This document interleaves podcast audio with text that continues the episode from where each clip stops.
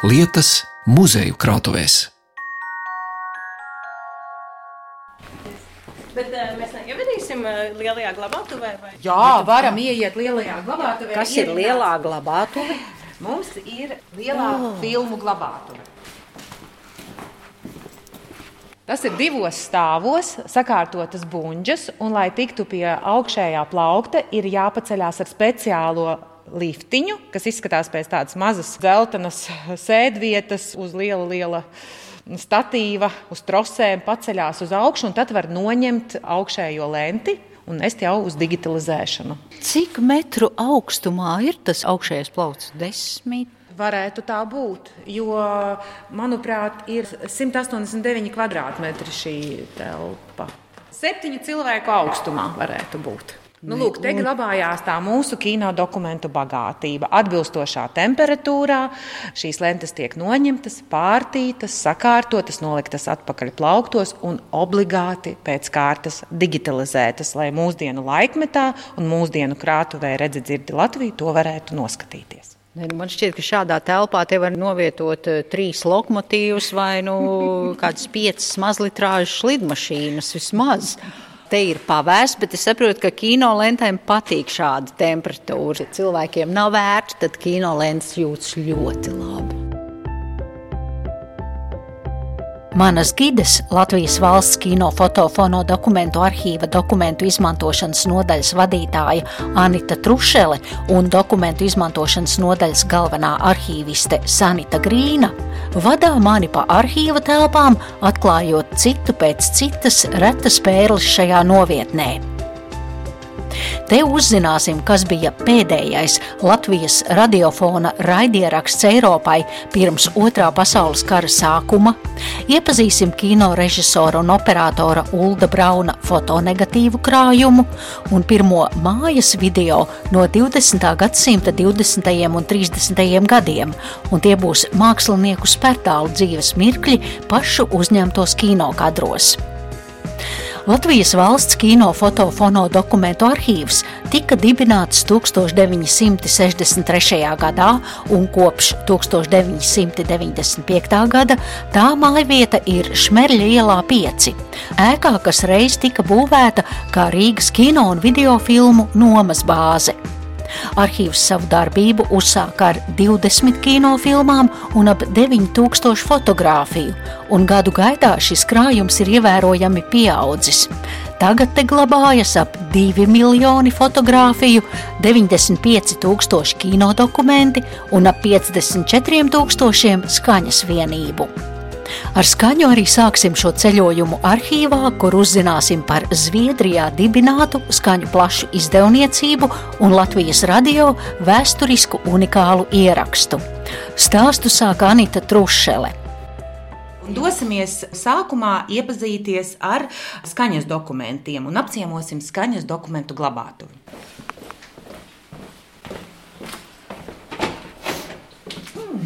Tātad es gribu pastāstīt par šo pagājušā gada atklājumu. Arhīvisti strādājot, apraksta noteiktus dokumentu fondus. Un interesantākais stāsts par skaņas ierakstu atklājās, rediģējot radio brīvā Eiropa radioraidījumus. Šo dokumentu datējums parasti ir 70. un 90. gadi, un pēkšņi 39. gads. Uz lentes rakstīts 1939. gads. Mēs saprotam, ka pati lente ir tapusi 60. gados. Tad arhīvists sāk iedziļināties. Nu, kas tas varētu būt? Kā pēkšņi starp visiem šiem ierakstiem ir 39. gads? Un pētot, uziet informāciju no paša ieraksta. Skan mūzika, atskaņo reitera koris. Dirigenta Teodora Reitera vadībā skan dziesma, tur zinu tevi zemes svešā, kur lejas zaļo meža šalts, un pēc aplausiem diktore piesaka Eiropas koncertu un nosauc radiostacijas, kurās tas tiks pārraidīts. Un starp tām ir eh, Dancigas brīvpilsēta. Mēs saprotam, ka Dancigas brīvpilsēta pastāvēja līdz 1939. gada 2. septembrim, jo toreiz tā tika anektēta nacistiskajā Vācijā. Tātad ieraksts ir patiesa. Tas ir tiešām 39. gads. Skatāmies tālāk, kā tas e, ieraksts ir nonācis pie mums un kā nonācis diasporā. Un tur mums palīdzēja periodika LV un diasporas prese, kur mēs eh, saprotam, ka viss saistās ar to, kā Reitera koris pārcēlās uz Stokholmu, kā viņi koncertēja, kas notika tur. Tāpēc mēs sākām pētīt tālāk mūsu pašu arhīva dokumentus, un atklājās, ka arhīvā ir skaņu plate, izdota 65. gadā, un skaņu platē ir šis pats ieraksts. 39. gada Reitera kora izpildījums, un arī ar šo pašu diktoras ierakstu, tā kā radio raidījumā. Jāsaka, ka mēs sākām domāt, kas tad tā ir par skaņu plati. Un tur mēs nonācām pie tā, ka tā ir izdevniecība Latvijas Music, kas darbojās no 1954. gada līdz 1993. gadam. To nodibināja Aleksandrs Kancāns sadarbībā ar Teodoru Reiteru. Atrastā bija 27. plate Un viņa bija mums ienākusi kā Aleksandra Kancāna skaņu plašu kolekcija, un to nodeva Aleksandra Kancāna dzīves biedra Zuzana Kancāne. Meklējot tālāk ziņas par šo 39. gada ierakstu, atklājās pārsteidzoša informācija tieši par Latvijas mūziku studiju. Kā viņa tapa? Reitera koris koncertēja aktīvi, tomēr finansiāli viņi bija ļoti mm, apgrūtinātā situācijā un tika nolemts dibināt skaņu plašu izdevniecību, bet līdzekļu nebija. Arī skaņu ierakstu tirgus nu, nebija plānots ļoti plašs, tāpēc vajadzēja iegūt kaut kādu finansiālu labumu. Ļaunais likteņa pavērsiens visu sakārtoja. Diemžēl Aleksandrs Kancāns, kā štances rūpnīcas darbinieks, nepilnīgu aizsargu līdzekļu dēļ darbā zaudē divus pirkstus. Un par to saņem prāvu finansiālu kompensāciju. Un uz šīs kompensācijas pamata nodibina Latvijas mūzikas skaņu plašu studiju. Zviedrijā, jā. Un uh, otrs fakts, kas mums atklājās, lasot periodiku LV un presi, ir ziņa, ka tieši šis ieraksts no 39. gada ir pēdējais brīvās Latvijas radioraidījums Eiropai, kas daudziem skaņdarba klausītājiem lika tiešām ar asarām acīs atcerēties to Latviju un tos Latvijas laikus.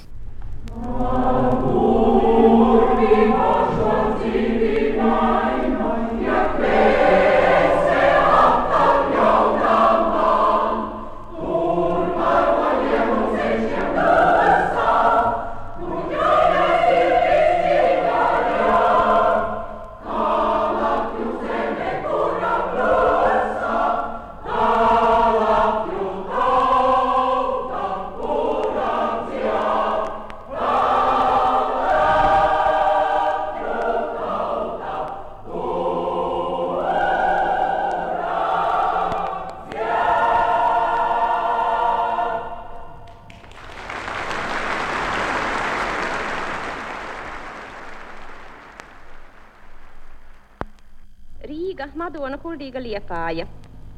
Mēs sākam Eiropas koncertu, kuru pārraida šādu valstu raidstacijas franču alfabēta kārtībā. Vācija, Bohēmija, Morāvija, Dānija, Dancigas brīvpilsēta, Igaunija, Somija, Francija, Ungārija, Itālija, Lietuva, Norvēģija, Holande, Polija, Zviedrija, Šveice un Dienvidslāvija. Koncertā sniegsim Latvijas skaņdarbus. Piedalās Rādījuma simfoniskais orķestris profesora Jāņa Mediņa vadībā un Reitera koris Teodora Reitera vadībā. Pāršķirstot mūsu radio vēstures lapuses, atrodu, ka par minēto diktori, jeb kā Latvijas pirmās brīvvalsts laikā teica, spīkeri, ir rakstīts šādi: Visilgāk spīkera amatā nostrādāja Alma Steina Jansone. Viņa kādu laiku bija mācījusies Zeltmata teātra kursos, vingrinoties pareizi izrunāt vārdus un teikumus. Steina Jansone bija vienīgā, kuras pienākumos bija tikai lasīt ziņas un pieteikt priekšnesumus. Bet turpinājumā arhīviste Sanita Grīna stāsta par Zviedrijā izveidoto Aleksandra Kancāna latviešu mūzikas skaņu plašu izdevniecību. Nu, mēs nezinām, kur tā ir tā oriģinālā plate, kurā tiešām ir bijis tas oriģinālais radio ieraksts. Bet kāds, vai tas ir bijis pats Teodors Reiters vai kāds cits, ir viņu tātad dodoties trimdā paņēmis līdzi šo plati ar šo ierakstu un pēc tam tātad pārcēlis uz šo Latvijas mūziku izdoto plati, no kuras visticamāk brīvās Eiropas radio ir nonācis šis ieraksts. Jā, uz, jā, vienkārši uz lentes. Līdz ar to tā lente arī, kā saka, redziet, 60. gadu neliela, neliela jā, lentīte. Jā. Tās ierakstu kompānijas. Kādu to laiku uz lēņu magnetofoniem atskaņoja. Šī ir tā lenta un šī ir tā plata. Tas ir tas Jā. oriģināls, es skatos. Tā tad uzņēmums, kas darbojās trimdā, tūlīt pēc otrā pasaules kara, jā, Viņiem ir ļoti skaistas tās plates Latvijas mūzika. Paskatieties, cik stilizēta skaista tautu dēls ar tautu meitu, ar kokli. Un te jūs, ja eh, paskatīsieties plauktos, ir vairāki simti šādu plašu sakārtoti. Tad to es saprotu, nu, toreiz Zviedrijas latvieši pirmkārt, un droši vien Nu, veidā arī saviem radiem draugiem Jā. uz uh, Angliju un uz Vāciju, tiem latviešiem. Jā, presē var atrast sludinājumus, kur uh, aicina, ka ir iznākušas jaunas šīs sērijas plates, un var iegādāties viņas, pasūtīt pa pastu. Un, uh, tas ir pat tādos laikrakstos kā Austrālijas latvietis. Tātad no visas pasaules latvieši pasūtīja šīs izdevniecības plates, klausoties uh, Latvijas mūziku. Šis tad ir tas senākais dizains ar to kokli un tautu dēlu, bet ir arī jaunāku laiku dizaini. Varbūt var paskatīties vēlāk, jau 70. un 80. gadi, kad varbūt arī tādas stumšas, tādas, nu, nakts debesis krāsā, bet tas logotips ir kokle un trīs zvaigznes. Šeit ir 1651 plate.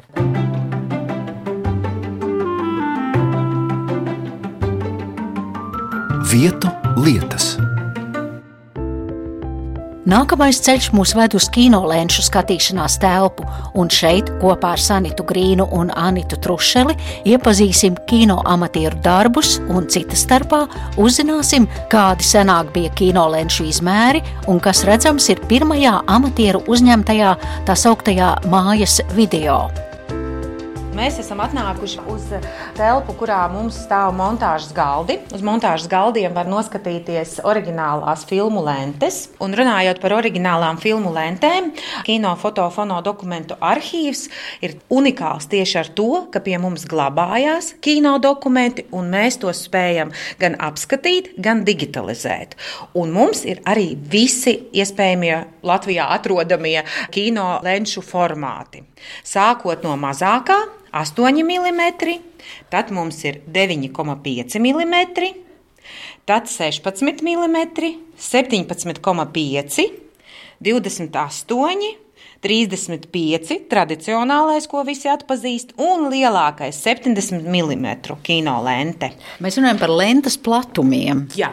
Es tā kā kino mākslā, kinotehnikā neesmu iesvaidīts cilvēks. Kāpēc? Ko tas atšķiras? 35 mm lente, tā, protams, ir tāda vispazīstamākā un standarta kino lente, uz kuras tika filmēts. Un arī varbūt mūsdienās joprojām šad un tad kāds filmē, kaut gan tagad jau vairāk ir autori pārgājuši uz digitālajiem formātiem. Bet 16 un 8 mm lentes ir tās, kuras bija tā saucamie amatieru formāti, vai arī 16 mm izmantoja arī televīzijas filmēšanā, kad vēl nebija video tehnoloģijas tik ļoti attīstītas. Savukārt tādi varbūt tie neordinārākie formāti, kas ir piemēram 9,5 mm. Es pacelšu, parādīšu tuvāk. Tātad šī ir kino kompānijas patē veidotā lente, un tā ir senāka no 20. un 30. gadiem, kad varbūt vēl tie standarti nebija tik standartizēti, un katra kompānija arī ražoja nu, teikt, savu firmas platumu. Un, eh, tā bija nepieciešama īpaša tehnika, kā var redzēt. Tad, ja mēs parasti iztautais kino lenti, tās perforācijas caurumiņi ir lentes malās, tad šai lentei tie ir vidū. Tā tad bija nepieciešama tāda aparatūra, kas varēja šo atskaņot. Starp kadriņiem ir caurumiņi, pa kuru iet zobratiņš, tad, kad lente griež cauri kino atskaņošanas aparatūrai. Nu, bet tur vajadzēja arī tad katram lentes platumam savu aparātu, savu Savu projektoru. kameru, savu projektoru. Kameru, ar ko varēja ierakstīt ar šādu formātu lenti, un arī specifisku projektoru, ar ko varēja atskaņot. Un interese dokumentēt notikumus bija ne tikai profesionāliem kino meistariem, bet arī amatieriem. Un to, ko jūs tagad redzējāt, 9,5 mm lente, tas ir tā sauktais, var teikt, mūsu arhīvā senākais mājas kino. Un tā ir filma, kuru mēs nosaucām par ainavas no spērtālu dzīves, jo viņu ir uzfilmējis Arvīts Spērtāls kas bija mākslinieks, gleznotājs. Un uh, uz viņas ir redzama viņa sieva Marga Spērtāle, kostīmu māksliniece, un arī viņu meita Asja. Un, Zināma Latvijas jā, televīzijas grimētāja. Jā, savā, līdz ar jā. to šajā filmā noskatoties, mēs varam redzēt viņu dzīves ainiņas, tā kā viņu pagātnes skatuves aizkars paveras, un mēs ieraugam viņus, viņu draugus, viņu dzīves notikumus.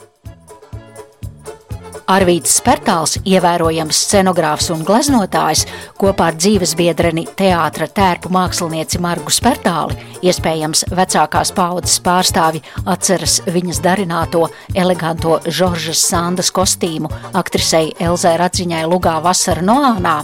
Šajā filmā ir redzami braucot ar automašīnu, ir kadri no Rundāles pils, Kuldīgas, iesvētību mirkļi Vircavas baznīcā, Spertālu meita mazā Asja gana zosis pagalmā, un tāpat šajos kino kadros ir iemūžināti spētālu draugi. Aktieru pāris Žānis Kopštāls un Elvīra Līcīte, gleznotājs Valdemārs Tone, Šo sešu minūšu garo mēmo filmu, kas ir uzņemta pagājušā gadsimta 20. un 30. gados, ik viens no jums var noskatīties Latvijas valsts kino fotofono dokumentu arhīva digitālajā krātuvē Redzi dzirdi Latviju. Un turpat ir arī pieejamas vairākas amatieru uzņemtās dokumentālās filmas no padomju laikiem. Par šī perioda kino stāsta Sanita Grīna amatieru kino uzņemšana kļuva par tādu oficiāli veidotu lietu, kurā cilvēki pie tehnikas un lentēm varēja tikt iestājoties kinoamatieru studijā. Un šīs kinoamatieru studijas, tāds tīkls tika veidots pie dažādiem uzņēmumiem, piemēram, pie VEF vai pie kolhoziem nu, kā tāda vieta, kur cilvēki varēja nodarboties ar eh, kino veidošanu, kā pašdarbību, kā vaļasprieku. Tas notika visā Padomju Savienībā, sākot no 50. gadiem. Un, protams, arī šeit Latvijā. Latvijā tas tiešām kaut kādā brīdī bija ļoti, ļoti izplatīti. Bija vairāki desmiti studiju, bija apmēram tādos ziedu laikos līdz pat 3000 cilvēku iesaistīti šajās kinoamatieru studijās. Un eh, arī šobrīd šīs amatieru kinostudiju filmas ir pie mums nonākušas krājumā. Un, um, tās ir ļoti dažādas, ļoti radošas. Un, uh, interesanti ir tas, ka tas tiešām nav tas, ko mēs saprotam ar mājas kino, tikai tādi sadzīviski filmējumi, savas ģimenes vai darba vietas. Bet visdažādākie žanri. Protams, vairums ir dokumentālās filmas, jo arī šie kinostudiju dalībnieki tika motivēti, mudināti uzņemt filmas par sociāli svarīgām tajā laikā tēmām. Montāžas galds uz viņa ir uzlikta lente un caur daudziem, daudziem tādiem ripulīšiem tiek palaista, un mazajā ekrānā jūs jau varēsiet redzēt to, kas tur ir uzfilmēts. Un dotajā brīdī tas ir Rīgas etalons, 82. gada filma uz 16 mm lentes. Prisma Rīga. Prisma tas ir amatieru studija. Rīgas amatieru studija ar nosaukumu Prisma. Un šī filma ir veltīta stācijas pulkstenim. Brīvības piemineklis, Ikaros autobusi, žiguļi un volgas. Cilvēki pūkainās cepurēs, ausainēs, gan vīrieši, gan sievietes ziemas laikā. 11.59 rāda stacijas elektroniskais pulkstenis.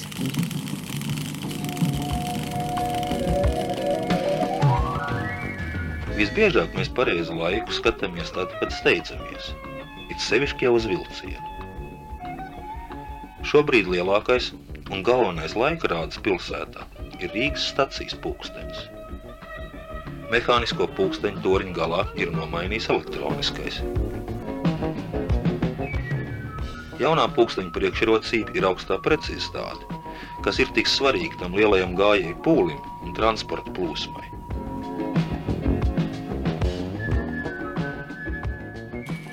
No kustīgām bildēm pārējām pie fotografijām, bet attēlu kolekcija, kas pirms diviem gadiem nonāca arhīva īpašumā, ir cieši saistīta ar kinomākslu.